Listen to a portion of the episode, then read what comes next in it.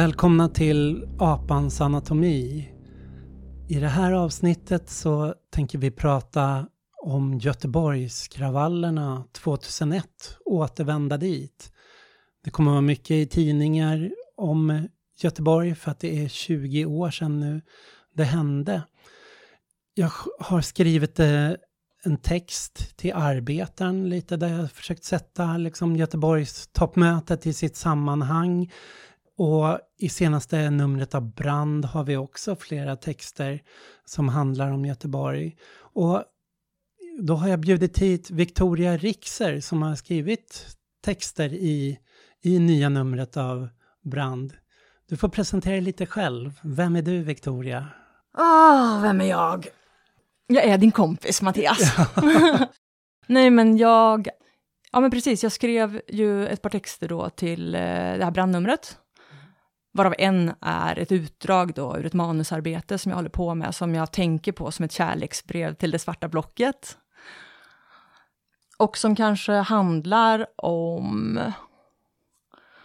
att bli till som subjekt, politiskt subjekt eller som person i en eh, rörelse kanske, eller i aktivism eller så. Men jag driver också ett eh, café som heter Torpet i Orhem i, i södra Stockholm. Där jag brukar fika. Där du brukar fika, som också har en liten kulturscen, en sån Mad Max-container som eh, jag har byggt om till en scen. Där vi har lite spelningar och sånt där. Andra grejer. Och jag eh, programleder en eh, podcast för Sveriges Radios räkning som heter Finnjävlarpodden. Mm. Jag har plinkat ganska länge, några år, på den här Sverige-finne-tangenten kan man mm. säga. Den minoritetspolitiska tangenten. Vad var din väg till Göteborg då? Vad, vad gjorde du innan det här toppmötet? Nej, men jag ska säga det, jag, jag har ju liksom, jag menar även om jag eh, definitivt betraktar mig som aktivist, alltså det är tveklöst så att jag under hela mitt, eh, inte bara vuxna liv, men du vet så här, att jag har eh, pysslat med olika typer av utomparlamentarisk aktivism sen ungdomen, liksom, så har jag ju aldrig direkt uppfattat... Alltså jag, jag menar, jag har väl varit organiserad, men jag kom inte till Göteborg som organisatör. Jag åkte till Göteborg för att det var det vi gjorde på den tiden. Liksom. Mm. Jag eh, kanske inte ens tänkte på mig själv och de människor som jag gjorde politik tillsammans med på den tiden, som det som vi idag pratar om som den globala rättviserörelsen eller globaliseringsrörelsen. Jag hade aldrig på den tiden, och, ja, men så här, runt millennieskiftet, ställt mig upp på ett möte och sagt hej, jag heter Victoria Rixer, jag, jag eh, kommer från den globala rättviserörelsen. Verkligen inte liksom. Mm. Men däremot nu när vi pratar om det så här retrospektivt så är det ju tveklöst så. Det är omöjligt, tänker jag, eh, att inte tänka på ja, det som vi gjorde och de vi var, eller vad man ska kalla det, som något annat än en del av det. Men det uppfattar jag som typ våran generation av aktivister, det var ju bara ett faktum. Liksom, eller? Att, mm. det, nej, men min väg till Göteborg, så det var ju mer så, vadå, jag eh, kom liksom från eh, någon slags eh, ockupationsrörelse, rätten till staden, aktivism, alltså gatufest, eh, den här grejen och den eh, autonoma vänstern. Alltså jag bodde i Amsterdam, i Malmö, i Lund innan jag kom till Stockholm. Jag hade rest en del i USA och Mexiko, liksom jobbat med Food Not Bombs, Books to Prisoners, eh, varit nere i Chiapas eh, strax efter liksom zapatisterna tog San Cristóbal. Ja, men så här, jag kom liksom från en sån Eh, hands-on, liksom gör det själv-aktivism som kunde vara till exempel då att skicka böcker till folk som satt på kåken eller laga mat till hemlösa eller släcka bränder i Chiapas eller ja, mm, driva mötesplatser eller som eh, Kvinnocafé Markatten eller så som vi hade i Malmö eller Svarta katten som vi hade på Bergsgatan och så här. Um, jag kanske har betraktat mig som en sån fotfolksperson, förstår du? Jag är liksom mm. ingen, jag uppfattar mig inte som någon stor politisk tänkare, jag är liksom en person som gillar att vara möjliggörare så att folk som är smartare Ja. än jag kan få plats och tänka stort. Jag tror jag såg det första gången 1999 på, på tv när du satt och försvarade Reclaim the City som hade varit i, i stan. Ja, men gud, det var ju så... Ja, då, då räddades jag ju av, var det Tord Björk eller Hans Abrahamsson från Jordens vänner? Ja, det kan vara Tord Björk. Alltså vi gjorde ju den där gatufesten i, på, i Götgatsbacken 99, innan Reclaim the Streets blev Reclaim the Streets, alltså då kallade vi det för Reclaim the City. Eh, som handlade om så här, rätten till staden då. då. Och, det var ju ingen av oss som var medietränad eller liksom eh, hade någon tanke på att vi skulle behöva försvara den här aktionen i media efteråt. Och sen blev det en ganska stor grej för att polisen gick så himla hårt fram och jag minns inte hur många som mm, blev Ja, det var runt 300 personer de tog. Ja, precis. Och folk blev himla skadade, liksom hundbitna och fick någon arm av. Det, var, det blev ett, en stor grej liksom av det där i media efteråt och vi fick mycket förfrågningar och jag var, ja men så här, vem ska ta det, vem ska ta det och alltså vem ska ta det snacket med media? Och så accepterade jag att ta den bollen och sätta mig i programmet med John Crispinson, typ. men jag hade ju ingenting att komma med. Alltså, jag, jag hade ingenting att komma med. Men då tog de in Tord Björk, eller då om det var Hans Abrahamsson, på länk, som kopplade våran aktion till almstriden och sådana grejer, och gjorde ett jävla bra jobb med att skriva in det i någon slags kamphistoria i Stockholm. Liksom. Mm. Men det var inte min förtjänst. Det här var samma höst som Seattle. Det här var ju bara någon månad före Seattle. Mm. Vilket för oss vidare till Göteborg.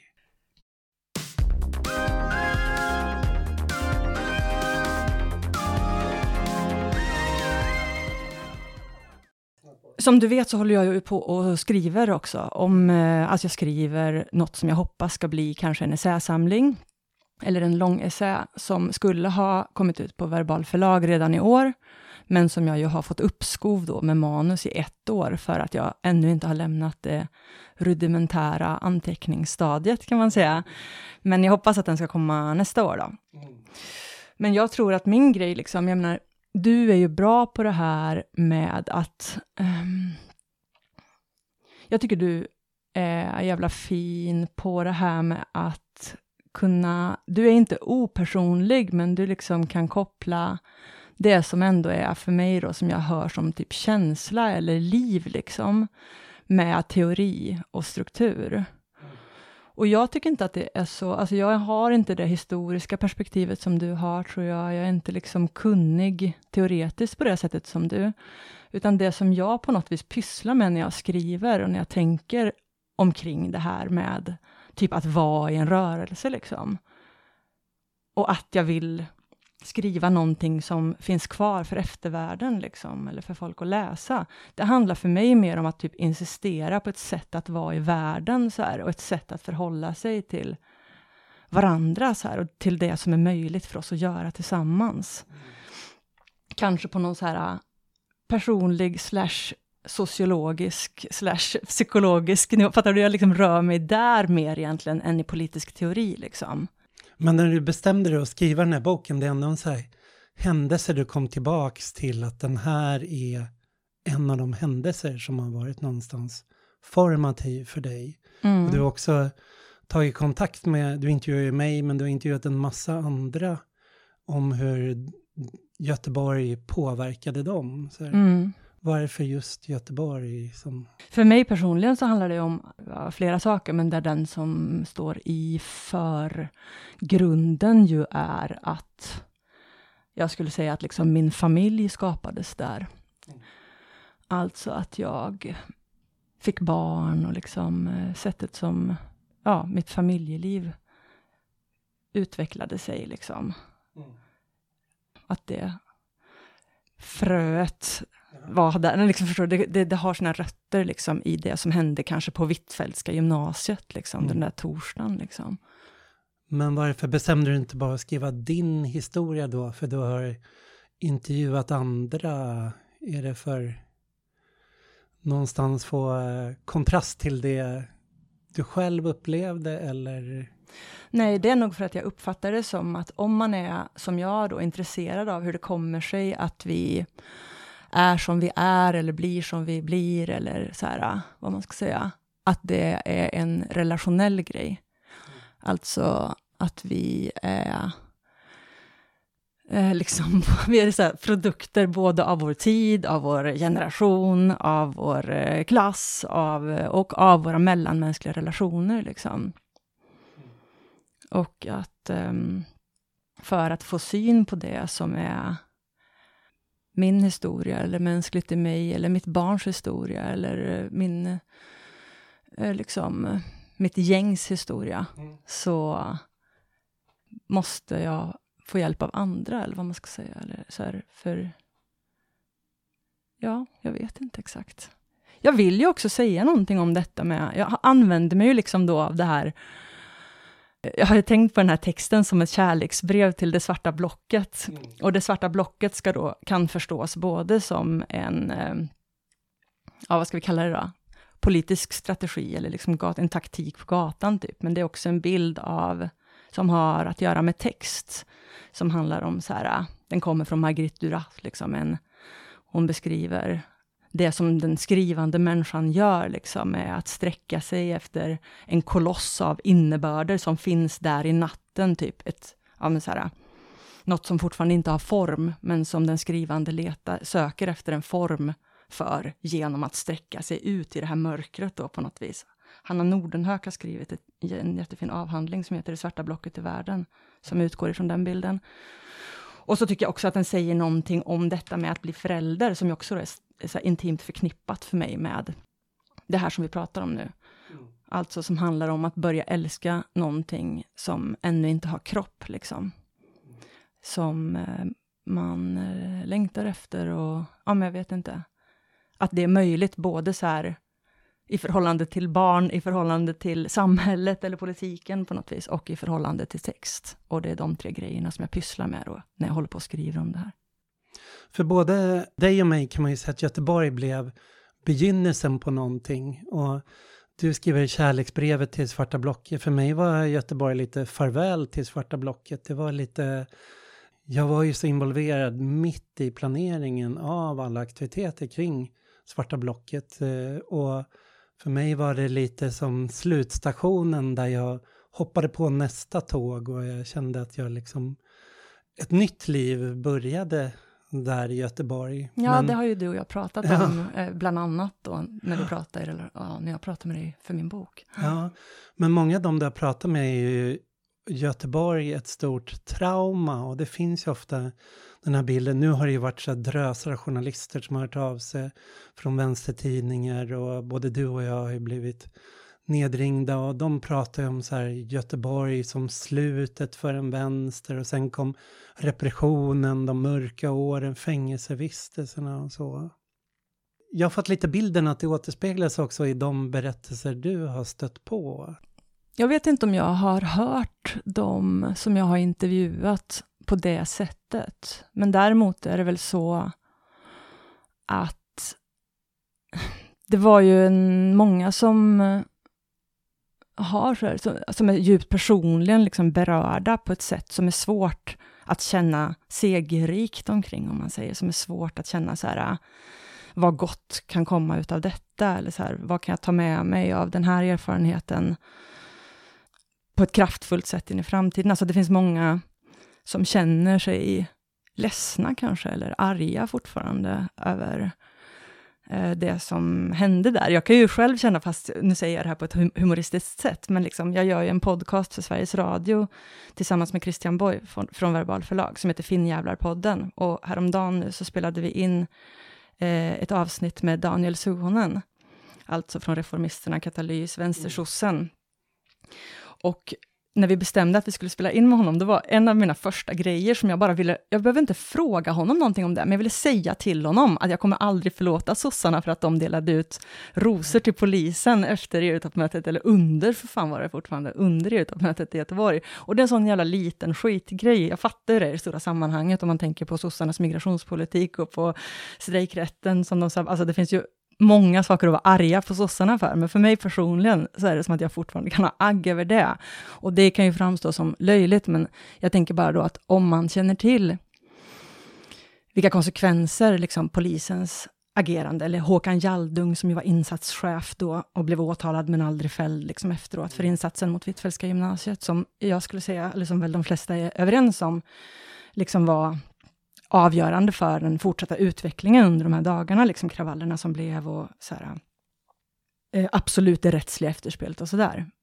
Alltså, så känns det för mig djupt person personligt att liksom till exempel hela mitt barns första tid i livet präglades av det rättsliga efterspelet fortfarande efter Göteborg 2001, för att hans pappa var fortfarande involverad i det. Liksom. Mm. Jag sitter här nu, eller vi sitter vid mitt eh, vid ett arbetsbord så där jag håller på och skriver och liksom jag har hela då min sons pappas förundersökning liggande på bordet, bland annat, som jag har bläddrat i nu under de senaste dagarna. Och jag blir faktiskt liksom, det är inte att jag blir ledsen, men det påverkar. jag känner saker inför brev som ligger här då, som jag precis har läst, som är så här, ja men till hans advokat liksom, som tackar för bilderna på vårt barn, så här, då är, då är våran unge ett par månader gammal Jaha. liksom, så här. Ja, jag vet inte. Och jag minns den tiden, det var också samtidigt, ja det var den våren sen som eh, var Irak-demonstrationerna, liksom, alltså de här stora antikrigsdemonstrationerna i mars 2003 och så här. Det är bara, det finns liksom en massa saker som har med repression att göra, ju inte bara runt Göteborg, men liksom i spåren av olika typer av repression, som får så här eh, djupt personliga konsekvenser. Och jag tänkte på det, du och jag var ju inne på att vi skulle spela in ett annat poddavsnitt ja, för länge sedan, som du ville skulle handla om den här boken som ligger här. Ja, du har stora lunter här i rotar i. Ja. The Collective Work of Grief, just det. Det var den här Rebellious Morning som Cindy Milstein har eh, mm. redaktörat. Som eh, jag tyckte var jävla fin alltså, att så här, som väl vars liksom tes är att så här, samhället så som det är organiserat, som är skiktat, det finns rasism, kapitalismen eh, finns eh, liksom, alltså olika grejer som har eh, konsekvenser för folks liv på ett väldigt konkret sätt.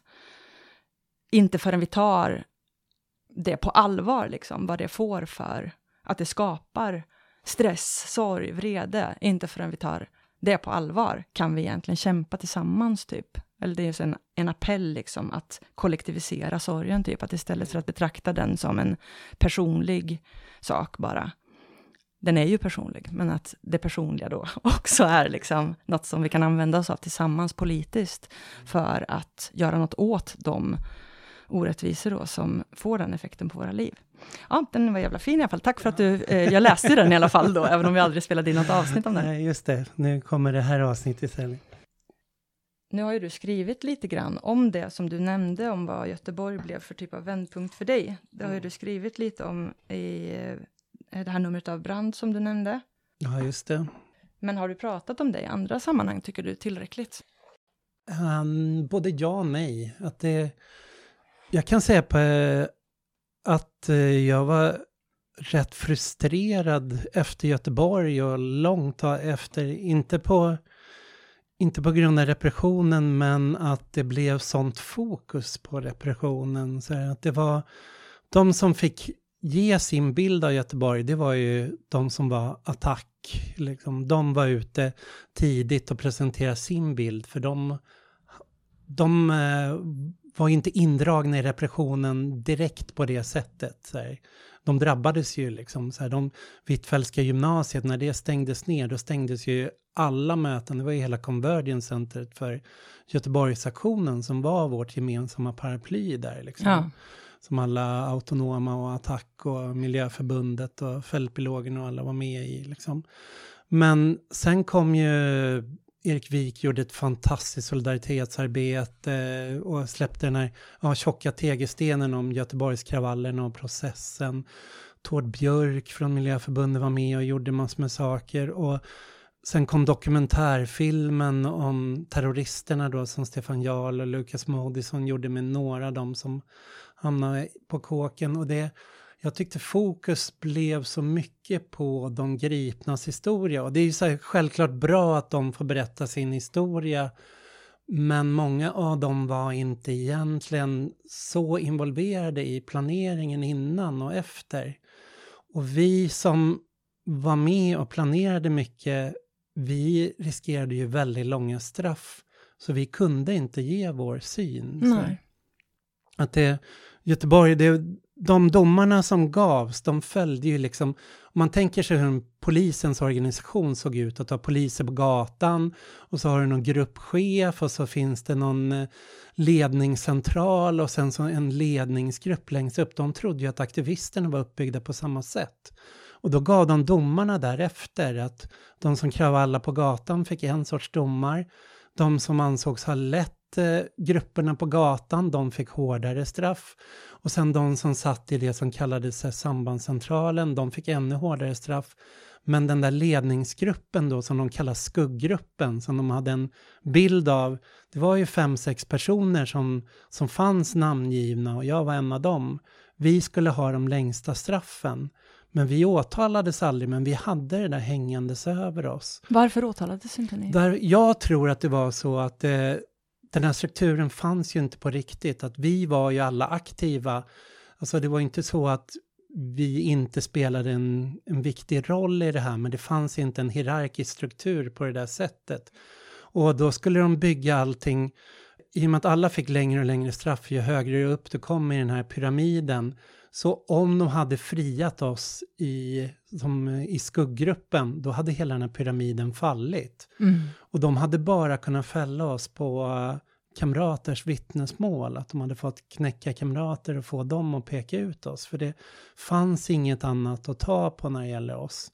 De visste att vi var med i ett planeringsmöte i Hjällbo, att vi vi satt i ett rum och de visste, de hade folk som hade berättat om det där mötet, de hade span på det där mötet, men de visste inte vad vi pratade om där inne. Så vi blev de här mystiska som skulle vara bakom allt som riskerade liksom så här, ja, fem till åtta års fängelse eller någonting sånt. Så ehm, vi tryckte undan vår historia så att säga. Vi, vi berättade aldrig den.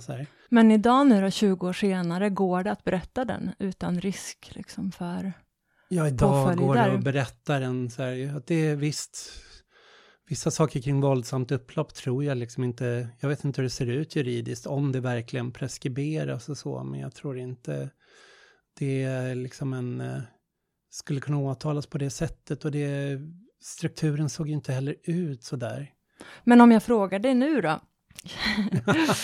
Den där historien som inte liksom eh, Ja. har berättats än. Vad skulle du vilja säga om den? Nej, det så, så fanns det ju en väldig planering bakom. Att vi hade ägnat nästan ett halvår åt att resa runt i Europa. Vi hade varit på det här stora People's Global Action-nätverkets möte i Milano. Vi hade byggt upp täta kontakter med, med danska, tyska och finska aktivister. Med tiden också italienska aktivister, med engelska aktivister. Så det var ett himla nätverkande inför det där. Vi var flera som flyttade till Göteborg inför det också och höll på att organisera allting. Så att det fanns en massa planering, idéer, strukturer, tankar på hur man skulle liksom göra aktionerna, hur man skulle sköta kommunikationen.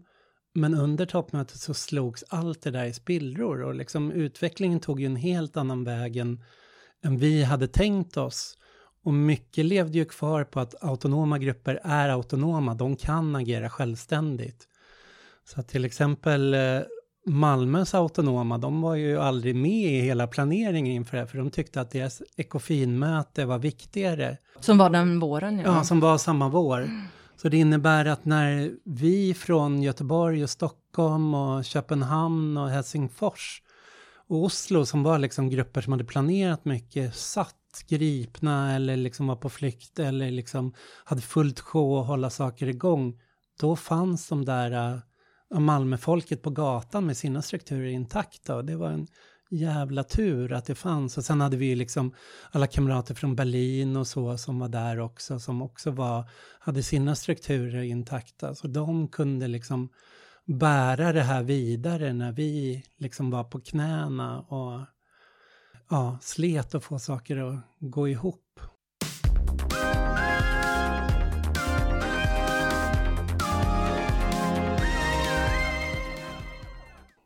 Men eh, om du föreställer dig en situation där de här strukturerna inte hade slagit sönder, mm. vad såg du framför dig då hade kunnat vara möjligt i Göteborg? Ja, alltså våra planer var ju... Det här var verkligen en så brytningstid när vi liksom kom från AFA, Svarta blocket, men där de här tankarna om konfrontativt icke-våld kom från Italien med eh, via zapatisterna, Jabasta, Tutte Bianchi, de vita overallerna och finnarna blev väldigt involverade i det och även så här AFA Köpenhamn blev väldigt så här inspirerade av det.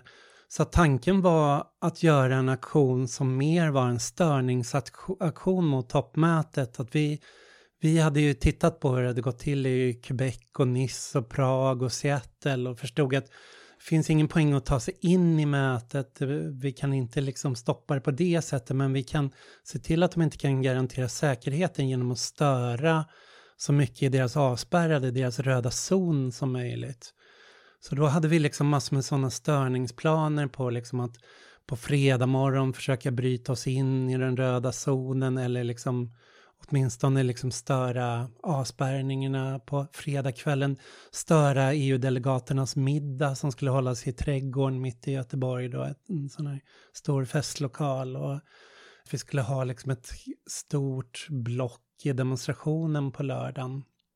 Men för att göra det här så tänkte ju vi att vi skulle göra som vita overallerna, att vi skulle, vi skulle inte gå dit med svarta blocket, gatsten, utan vi skulle komma med stora bildäck, ballonger, skyddsutrustning och pressa på polisen och liksom trycka oss igenom på det sättet.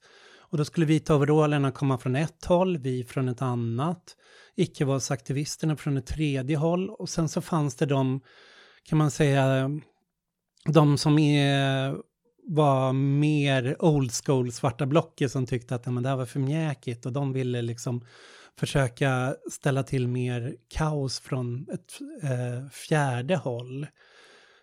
Och för att vi skulle kunna göra det här så var mycket så här Köpenhamn, AFA Köpenhamn som planerar fredag morgonen. Så kom de upp med en, med en liten lastbil med liksom bildäck och allt sånt.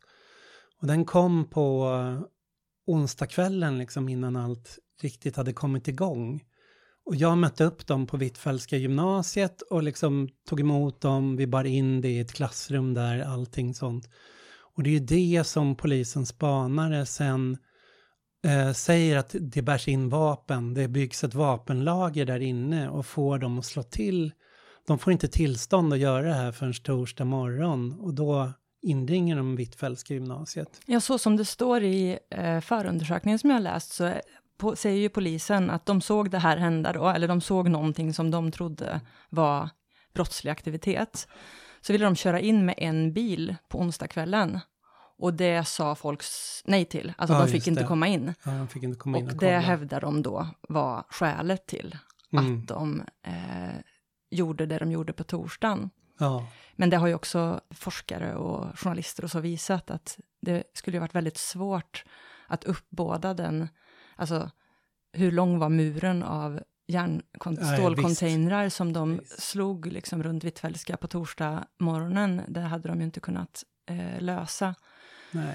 Över en natt på det sättet, utan det måste ha planerats i förtid. Ja, det här var ju svepskälet så att säga och planen fanns innan. Mm. Det har ju Hans Arvidsson då från Attack, han har ju tittat mycket på det där och att det, han tror ju att det dels har med två saker, dels att Bush var på besök, liksom en amerikansk president på svensk mark och det här var ju ett väldigt viktigt EU-toppmöte, det var inte vilket som helst utan det, det som beslutades här var ju hela EUs Ja, östutvidgning precis. på det EU vi har idag liksom formades på det här mötet. Så, här.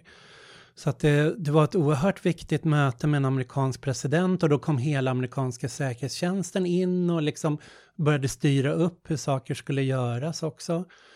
Och sen hade vi å andra sidan att eh, Håkan Jaldung skickade ju folk eh, på att åka på, de var nere i Prag, de var nere i Nice och tittade på allting det här.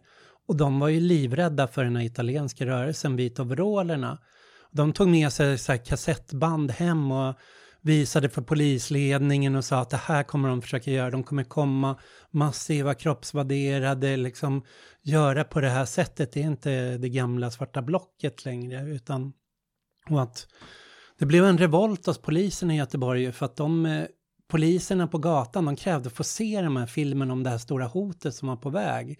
Och ledningen sa att men det kommer demoralisera er, ni ska inte få se den. Och så slutade det med att några poliser tog de här videokassetterna och ordnade en visning bara så att, så att de skulle kunna få se de här liksom, metoderna och vad det var för någonting. Så de var ju väldigt angelägna att komma åt den utrustningen och det var ju liksom ingen hemlighet. Vita overallerna byggde på att göra allting öppet. Exakt. Det var så här, samlas på Hvitfeldtska, mm. där bygger man overallen och där är ett, det är som Håkan Jaldung sa, ett stenkast från EU-toppmötet. Liksom, att där, där ska man gå bort till EU-toppmötet. Så att de visste ju att allt det där var på väg och det var ju då...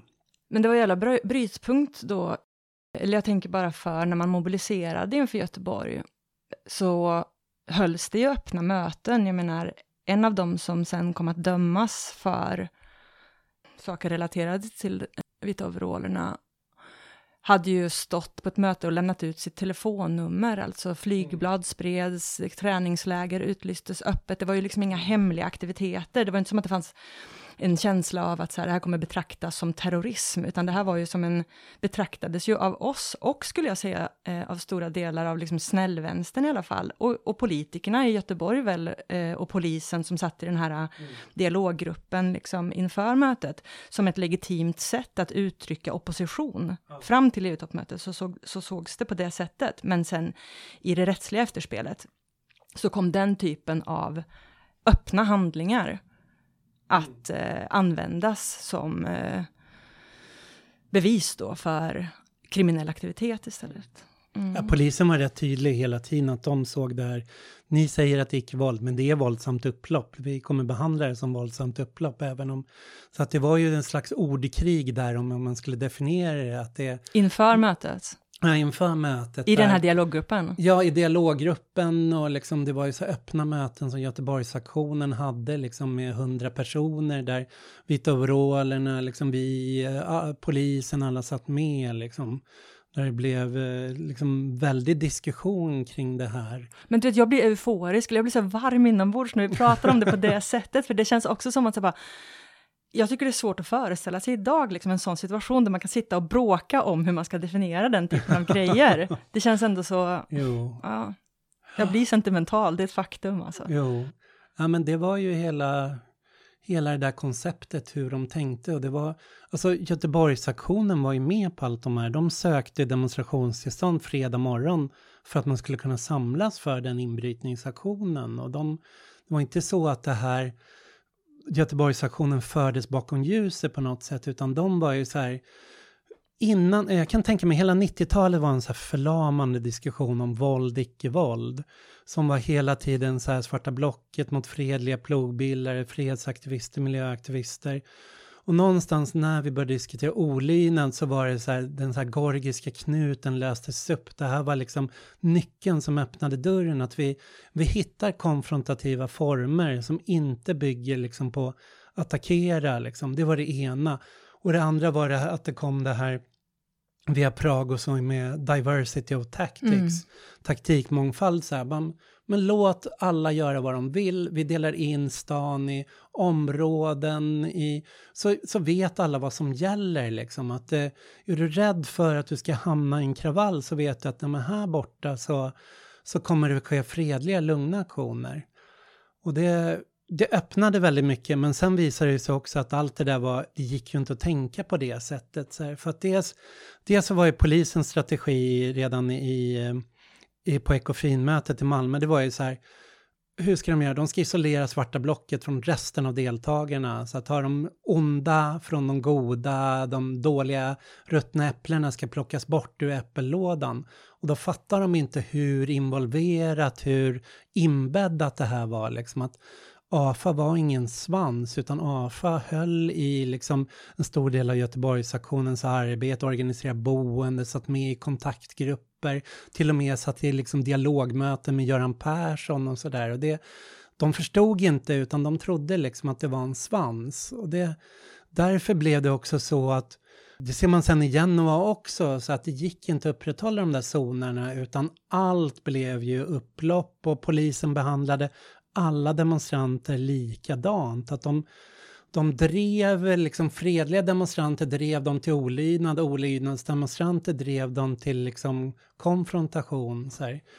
Och så här, situationen på Hvitfeldtska är ju ett typexempel på det, liksom, att de tänkte att de skulle isolera först svarta blocket och sen vita overallen, men istället så fick de en samlad aktion från de där inifrån då som försökte 500 pers tränga sig ut. Liksom. Men på det sättet tycker jag, nu gick, blev det lite som det blev med den saken, ja. men jag vet inte jag ska, om jag ska ställa det som en fråga eller säga det som ett påstående, men alltså försöket att isolera vissa grupper ifrån andra och att sålla ut liksom de onda från de goda, så att säga. Hur tycker du att vänstern i någon slags bred mening lyckades, eller generellt lyckas, handskas med den ja, grejen? Det, det var både, man kan säga så här, för det första så var det inte ett nätverk i Göteborg som gjorde saker, utan Göteborgsaktionen, det var de sociala rörelser som var helt så här, såg globaliseringsrörelsen, globala rättviserörelsen komma och bara så här, det globala är nu vår arena, Europa är nu vår arena liksom. Och där fanns då Attack och eh, där fanns miljörörelsen och där fanns syndikalisterna och alla som var inspirerade av zapatisterna och åkte på sociala forum hos dem så gick det inte att separera svarta blocket eller vita overallerna eller liksom rosa Reclaim the Streets-karnevaler från. Det var så inbäddat så där, den där rörelsen som var den stora, där gick det inte att göra. Men sen hade vi en annan som var med Nej till EU, som Göteborgsnätverket som var KPMLR, Vänsterpartiet eh, satt med och där Gudrun Schyman stod och höll tal där de fördömde liksom svarta blocket, där sossarna delade ut rosor. Och det var ju den här eh, partivänstern som såg det här som en nationell fråga, att det handlar om Sverige, Sverige ut ur EU, nu skulle vi, nu skulle vi mobilisera det här liksom svenska EU-motståndet. Så många av de där tendenserna idag har ju liksom kan man ju se idag utvecklas nästan någon sån här brunvänsterhåll, delar av så här ärrarna och allt sånt. Så att de där liksom är, var nationalistiska då, är nationalistiska idag och de förstod sig inte alls på globaliseringsrörelsen. Och de fick ju mer spelrum sen under krigsprotesterna 2003. Då kom alla gamla antiimperialister fram och dammade av sina banderoller och så. Så att eh, halva vänstern fördömde och andra halvan av vänstern bäddade in hela det här, de autonoma. Så här. Det var det som skedde. Sociala rörelserna stod på vår sida och partierna var mot oss. Mm. Och det har väl aldrig kommit någon liksom ursäkt eller någonting sånt från partivänstern sedan dess. Liksom. Så. Jag är fortfarande sån, jag kan inte förstå den här hypen av Gudrun Schyman och så. Jag, jag har röstat på Fi, men jag skulle aldrig liksom gå med i Fi för att jag har... Det sitter så djupt det där vad, vad Schyman gjorde mot oss i Göteborg. Mm. Liksom. Kom jag ut som Fi-röstare också. jag säger ingenting, alltså Nej, har jag ingenting ni sagt. Ni får vara tysta om det. När vi pratar om detta med eh, planeringen inför Göteborg 2001 och hela den här toppmötesprotesterna runt millennieskiftet. Vad handlade det om, skulle du säga, mer då kanske än att störa ett toppmöte?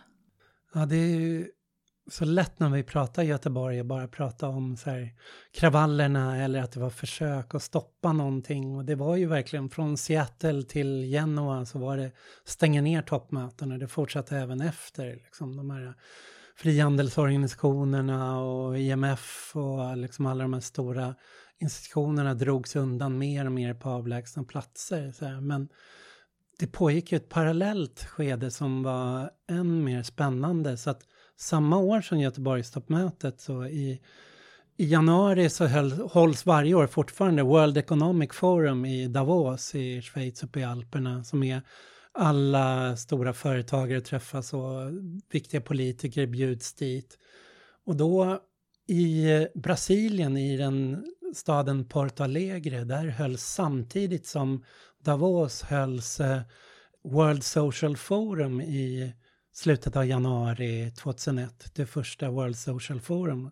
Och det var ju också så inspirerat av zapatisterna. Zapatisterna hade sån här, att det viktiga för zapatisterna var inte att vi ska vara en, en ny befrielserörelse som alla ska mobilisera stöd för, utan det var så här snarare, vi kämpar mot nyliberalismen. Alla ni kan också kämpa mot nyliberalismen där ni befinner er. Vi behöver möten för att koordinera alla liksom, våra röster och var ett gemensamt nej men var många ja.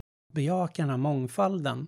Och det byggde så här World Social Forum på. Och det uppstod sen, eh, det hölls året efter Göteborgstoppmötet hölls eh, European Social Forum i, i Florens och det fortsatte ända till 2010 med sådana här europeiska sociala forum och sen spreds ju det till sociala forum i alla länder. Vi fick sociala forum i Sverige och sossarna och ABF, de svarade med att göra socialistisk forum och så kom en massa feministiskt forum och det blev en hel så här forumrörelse och någonstans det gemensamma i det här var liksom att det var ett så här brott mot hur vänstern är fungerat tidigare, liksom där man har haft så här folkfronter eller man har försökt samla alla bakom några tydliga paroller under någras ledning. Att här var det, här var det ett helt smörgåsbord, det var ett myller, det var ett mångfald och det var styrkan i det här, liksom att alla kom dit och nätverkade och byggde och det var kyrkoorganisationer, det var människorättsorganisationer, det var landlösa bönder, det var sociala rörelser från, från väst som mötte syd, som, så att det blev en himla smältdegel i det där som fortsatte långt efter. Och berättar man om Göteborgstoppmötet så bara som repressionen så missar man hela den rörelsen som som föddes då och liksom levde vidare och mm. någonstans också bar, de lyfte de rörelserna, säger att men vi uppnådde ingenting, liksom, vi stoppade ju knappt några toppmöten, men det här lyfte ju hela det som kallas rosa vågen i Sydamerika, den här vänsterpopulismen som kom där och sen inspirerade tio år senare till till Corbyn och Podemos och Syriza liksom kom som vänsterpopulism här som nu börjat se kanske så här, ebba ut eller liksom förändra form. Så att det där var ju någonting som blev väldigt varaktigt och kom att liksom förändra hela vänsterns politik under en lång tid. Mm. Var du själv på något av de här forumen? Så här? Nej, det var jag inte. Jag var, eller du menar, pratar du nu om så här äh, Prag? Äh, jag pratar, nej, du pratar inte om toppmötesprotesterna. Nej, inte toppmötesprotesterna. Nej, nej, det var jag inte. Jo, det var, eller jag var på G, nej, det är kanske också något annat då. Jag var i, i Jena, på, nej, i äh, alltså Köln på G8-mötet. Ja. När var det? År 2000. Men det ja, var ju också något annat. 99 tror jag det var. Ja, det var det kanske. Ja, ja det var ju annorlunda. Det var för det kom ju sen, det var liksom i Paris var det väldigt stort och sen eh, sista var i Istanbul och vi var många som åkte på de där och liksom knöt mycket kontakter, inspirerades, liksom träffade stadsdelsrörelser i Istanbul som var skithäftiga, liksom som fick höra om gentrifieringen av Istanbul, liksom om en stad med miljoner, miljoner liksom papperslösa invånare som liksom byggde sina avancerade kåkstäder som som sen gentrifierades, liksom hur det gick till. Eller i Frankrike, vi mötte de här intermittans, de här arbetarna i kulturindustrin som eh, hade prekära osäkra anställningar och organiserade sig där som var så här scenarbetare och sånt som, som gjorde massor med aktioner. Så det var väldigt mycket häftiga, liksom, inspirerande allianser som kom ur det där.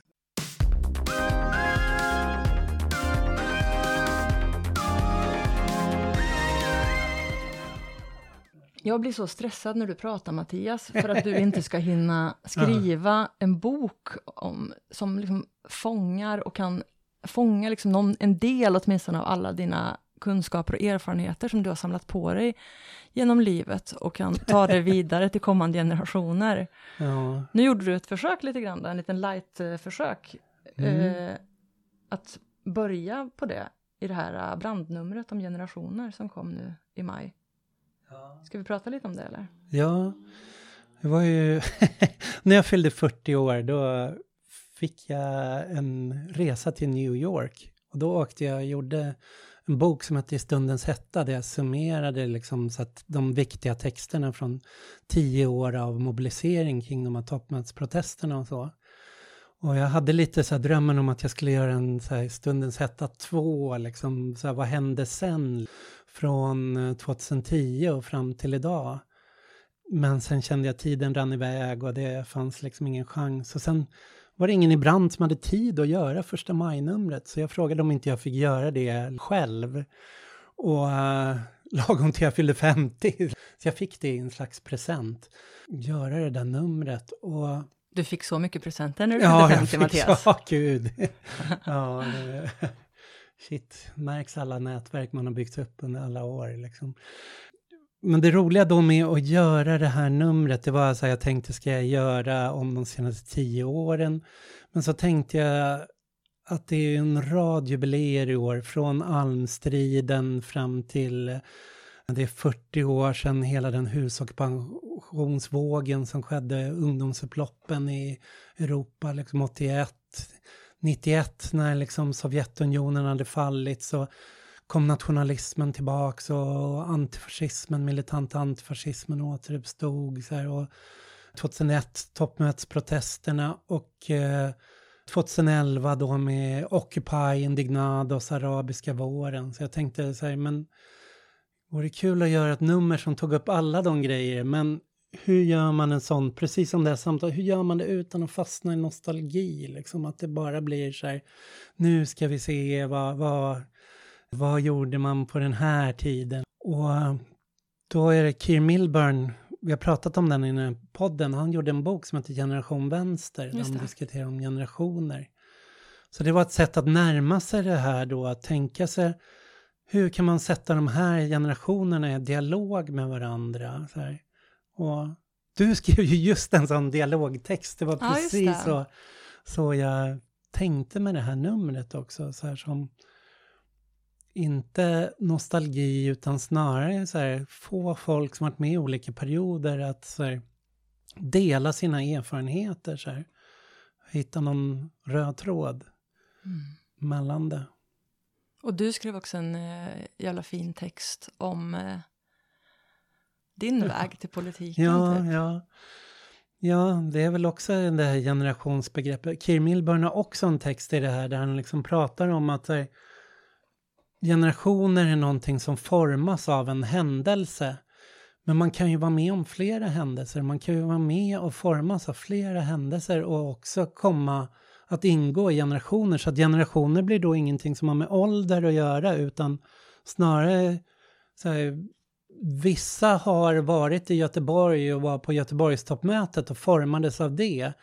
Men många har ju varit med i flera olika perioder och liksom bär på flera olika erfarenheter. Och det, då kan man ju också eh, någonstans kanske vara någon liten brygga eller någonting mellan de generationerna.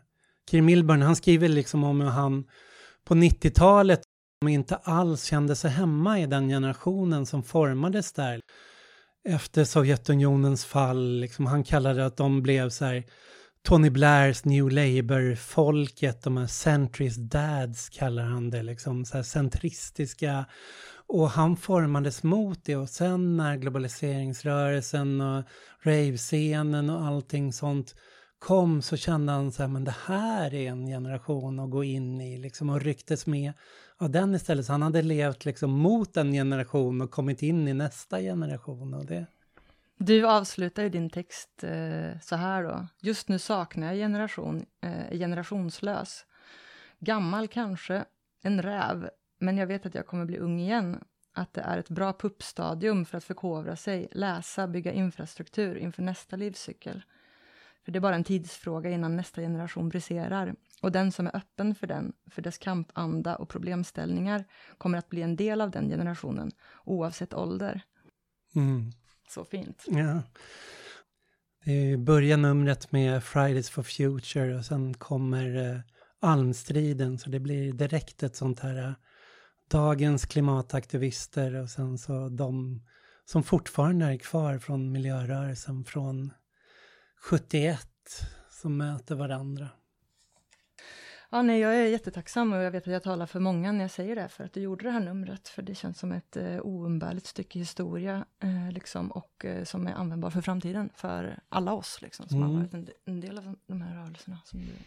Ja, det är väldigt kul att se hur de här texterna går in och ut i varandra också, hur hur de som beskriver hur Rom, autonoma rörelsen, gick under 81 men samtidigt så dyker de upp 91 i texterna därifrån om hur en ny rörelse föds. Och de står på gatorna i Göteborg 2001, 2001 eh, och säger så här, men ni kan inte välja den vägen vi valde då med bara en så militär konfrontation. Så här, det skadade oss på det här sättet, därför har vi testat andra metoder. Så det, det är också roligt att se. Det är lite som en autonom mullvad som tittar upp här och där och liksom lämnar små stafettpinnar vidare. Jag hade ett sånt, uh, aha, eh, en sån aha-upplevelse när det var release för Ockuperat, för mm. den boken som du och Dominika Polanska mm. redaktörade på som kom ut på Verbal förlag, när då? Ja. För något år sedan? Två? Ja, den kom 2019, precis innan pandemin.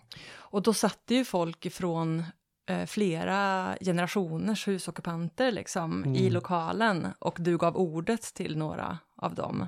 Och så var det två kvinnor där från Mullvaden-ockupationen mm. som pratade om tiden när de då var tonåringar i princip och vad de gjorde där. Och jag satt ju då som tonåring på bibblan i Karlstad och läste om den här ockupationen på mikrofilm. Liksom. Och sen åkte jag, när jag hade gått ur gymnasiet och flyttade hemifrån, så flyttade jag till Amsterdam och blev en del av ockupationsrörelsen där.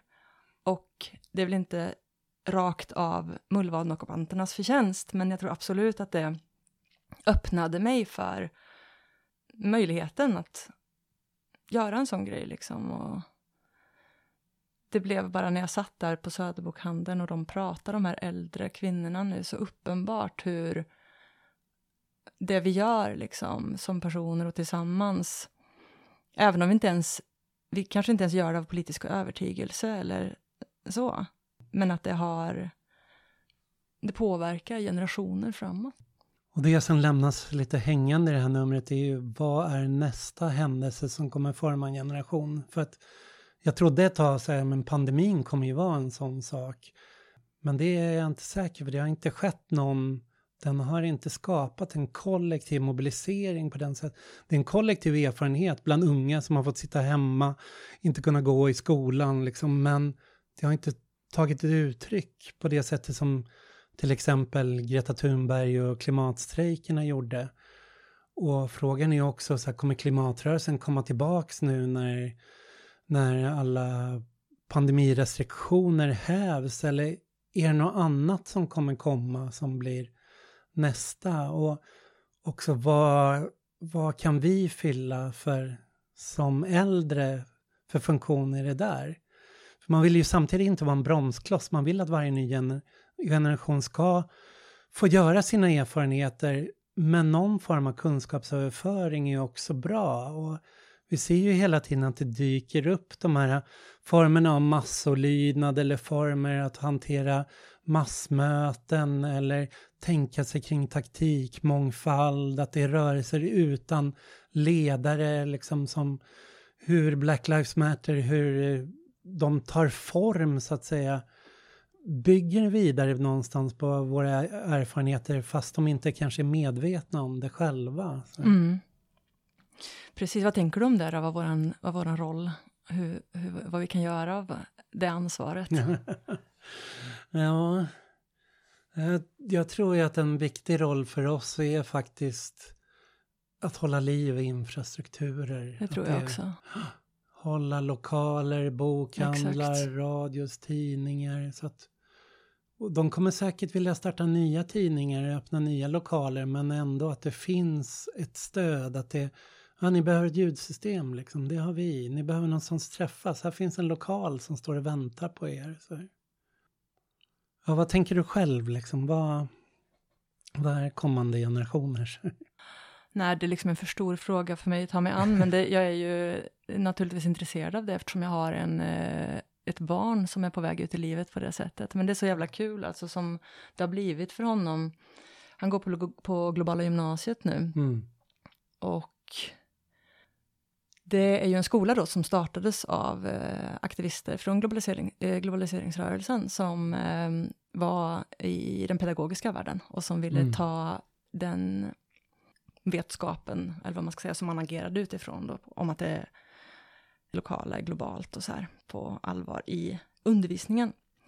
Och sen har Mio då av egen kraft liksom sökt sig dit. Det är verkligen inte så att jag eller hans pappa har pekat honom dit, utan han har hamnat där av sig själv. Och den första uppgiften de fick, det var att gå till affären och skaffa en produkt och sen spåra den från jord till bord, så att säga. Ja, ja, häftigt. Eh, nej men, och han har ju engagerat sig på sitt sätt liksom i Greta, liksom grejen eller i, i skolstrejks, eh, klimatstrejks, ja, det som de håller på med. Men så jag menar, det är absolut så att det in, naturligtvis intresserar mig som det väl intresserar alla människor som inte vill lägga sig ner och självdö liksom. Mm. Eh, Alltså hur kampen ska föras i framtiden. Men jag har ingen sån kristallkula. Jag vet inte.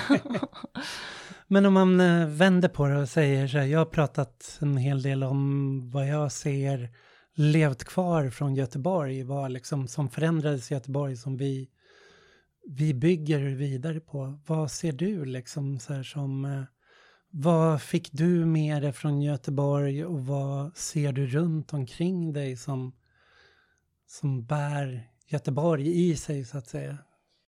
Nej men jag tror, alltså efter Göteborg, jag vet ju, du flyttade till Italien då Mm. och eh, började ett nytt liv så att säga. För mig blev ju tiden efter Göteborg typ att jag eh, det kanske var då som jag gick in i de mediestrukturer som vi byggde upp runt omkring, alltså de typ alternativ media, alltså vänster alternativ media som fanns. Utbildade mig, eller så här, gick på folkhögskola då i alla fall och blev eh, någon form av journalist. Jag gjorde lite radio och skrev och så. Och sen var engagerad i den kooperativa och så här, alternativmediala världen typ. Och sen började vara med och organiserade Alltså när vi började organisera oss lokalt i så stadsdelskamper, eller vad man ska kalla det, då, liksom, alltså linje 17, nätverket linje 17 och de här grejerna. Men jag blev ju också förälder i den vevan, så det påverkade ju hur vi, jag och andra som var i den situationen, men jag var ju verkligen inte ensam om den situationen. Alltså det påverkade hur vi levde våra liv och hur vi organiserade oss. Och att vi bodde, vi liksom flyttade in, många av oss flyttade ju utåt den gröna linjen, i Stockholm då, den gröna, gröna linjen söderut. Typ, vi bodde i kollektivhus och vi liksom satte ungarna på kooperativa förskolor och sen skolor. Och så, alltså att det blev en sån mer, ja. Men jag tänkte på det som du sa om kunskaps, eh, vad vi nu ska kalla det, utjämning eller så här över, mellan generationer liksom. Alltså att ta tillvara på erfarenheter och sånt över generationer. Att vi gjorde ju en sån grej i Skarpnäck då till exempel i, innan vi startade nätverket linje 17. Vi bjöd in så här jordcirkus och tidigare folk som hade varit engagerade liksom där för att undersöka vad har vårt område för historia att bygga vidare på, om vi pratar i mer så här politiskt radikala termer. Och eh, jag minns det också från min tid i Malmö under mitten, slutet på 90-talet så pysslade vi med sånt på ja, kvinnokaféerna, typ på Markattan i Malmö och på Ronja i Lund och så att man bjöd in tidigare generationers feminister för att ta reda på eh, saker som var svåra annars att läsa sig till eller så Mm. kanske. Och jag antar att liksom, så som du sa då om att eh, upprätthålla infrastrukturer och sånt där, liksom att fortsätta orka hålla på med det där ganska träiga arbetet som är, alltså vi måste antingen ses helst ska vi ses, för även om så här, kampen består av många olika delar, men den viktigaste beståndsdelen kanske är våra kroppar, typ. Vi måste vara med varann, typ. Mm, ja, verkligen. Och att fortsätta, och det, det är liksom ett underskattat eh, arbete tycker jag, alltså att göra det träiga jobbet som är att hålla lokaler öppna till exempel. Bara att ha en fucking kaffeservering kräver ganska mycket liksom. Men att orka göra sådana saker, att orka fortsätta som du gör, ha så här studiecirklar, att liksom fortsätta skriva, att liksom Även fast man bara förtvivlar, hur många personer kommer läsa det här? 300 personer? Nej men du vet, att fortsätta orka göra den grejen. Eh, det betraktar jag väl som vårt ansvar jag också. Och även om få kanske läser så har jag upptäckt att desto fler lyssnar om man poddar. Så att det är faktiskt en av de bra sätten att föra den kunskapen vidare. Okej, men där kanske vi också har en lärdom att dra, då, du och jag och liksom alla eh, vi som är eh, gamla, gamla människor nu. Att eh, också vara öppna för eh, nya sätt att eh, kommunicera. Alltså om det nu är det skrivna ordet kanske inte når ut på samma sätt. Eh, man kanske måste börja göra videoessäer, typ. Liksom. Eh, alltså, ja, att inte stagnera i en kommunikationsform heller då kanske. Nej. Lika lite som att stagnera i en organisationsform eller i en personlig gubb eller tantform. Nej, visst tänkte i den här i stundens hetta så hade jag en text om så här, vad uppnådde vi i Göteborg som jag skrev precis dagarna efter. Jaha. Det var sådant att läsa om den. Så här. Den ska jag också läsa så. Det är den här um, brand, vad uppnådde vi i Göteborg? Så är det några punkter. Jag liksom...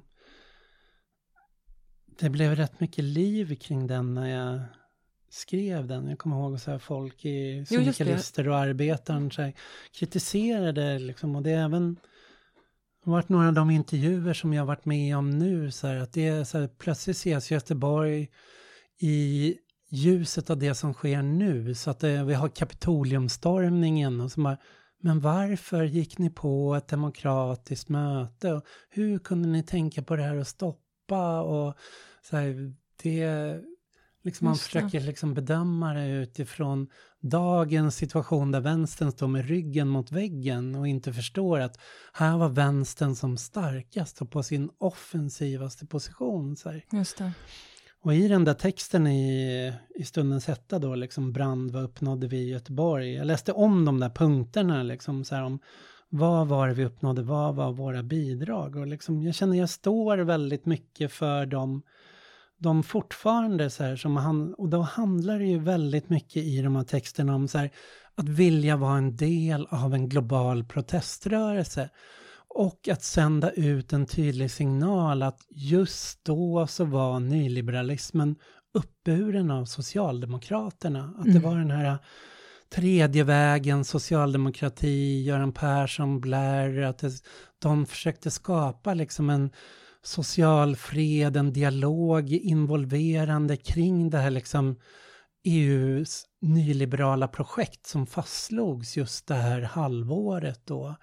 Och som sen folk i land efter land kom på olika sätt att rösta ner eller liksom protestera mot. Mm. Så här. Och vi var ju en del av det här och ville bara, vi vill inte ha de här nyliberala institutionerna. Det handlar inte om att och påverka eller få en dialog med eller få ett samtal med, utan vi ville liksom stänga ner. Liksom. Och de, de bitarna.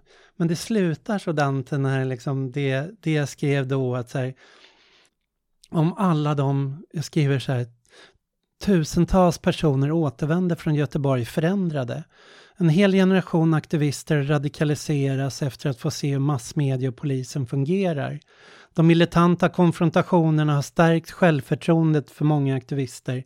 Vi kunde besegra polisen och störa hela deras toppmötesjippo trots att de hade hela statens våldsapparat på sin sida.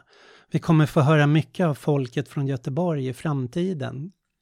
Och det, jag vet inte om jag hade rätt eller fel just på den punkten, men på någonstans har jag alltid burit med med det. Så här, vad, man har än råkat ut för när det gäller polisen och allt sånt så har jag alltid känt så här bara, ha, vi tog er i Göteborg. liksom, det, det, det, det, finns en känsla där från Avenyn och liksom, som, har, som har gett mig ett självförtroende som jag lever fortfarande på. Underbart. ja. Det tycker jag du ska använda som slutord. Ja, det får bli slutord.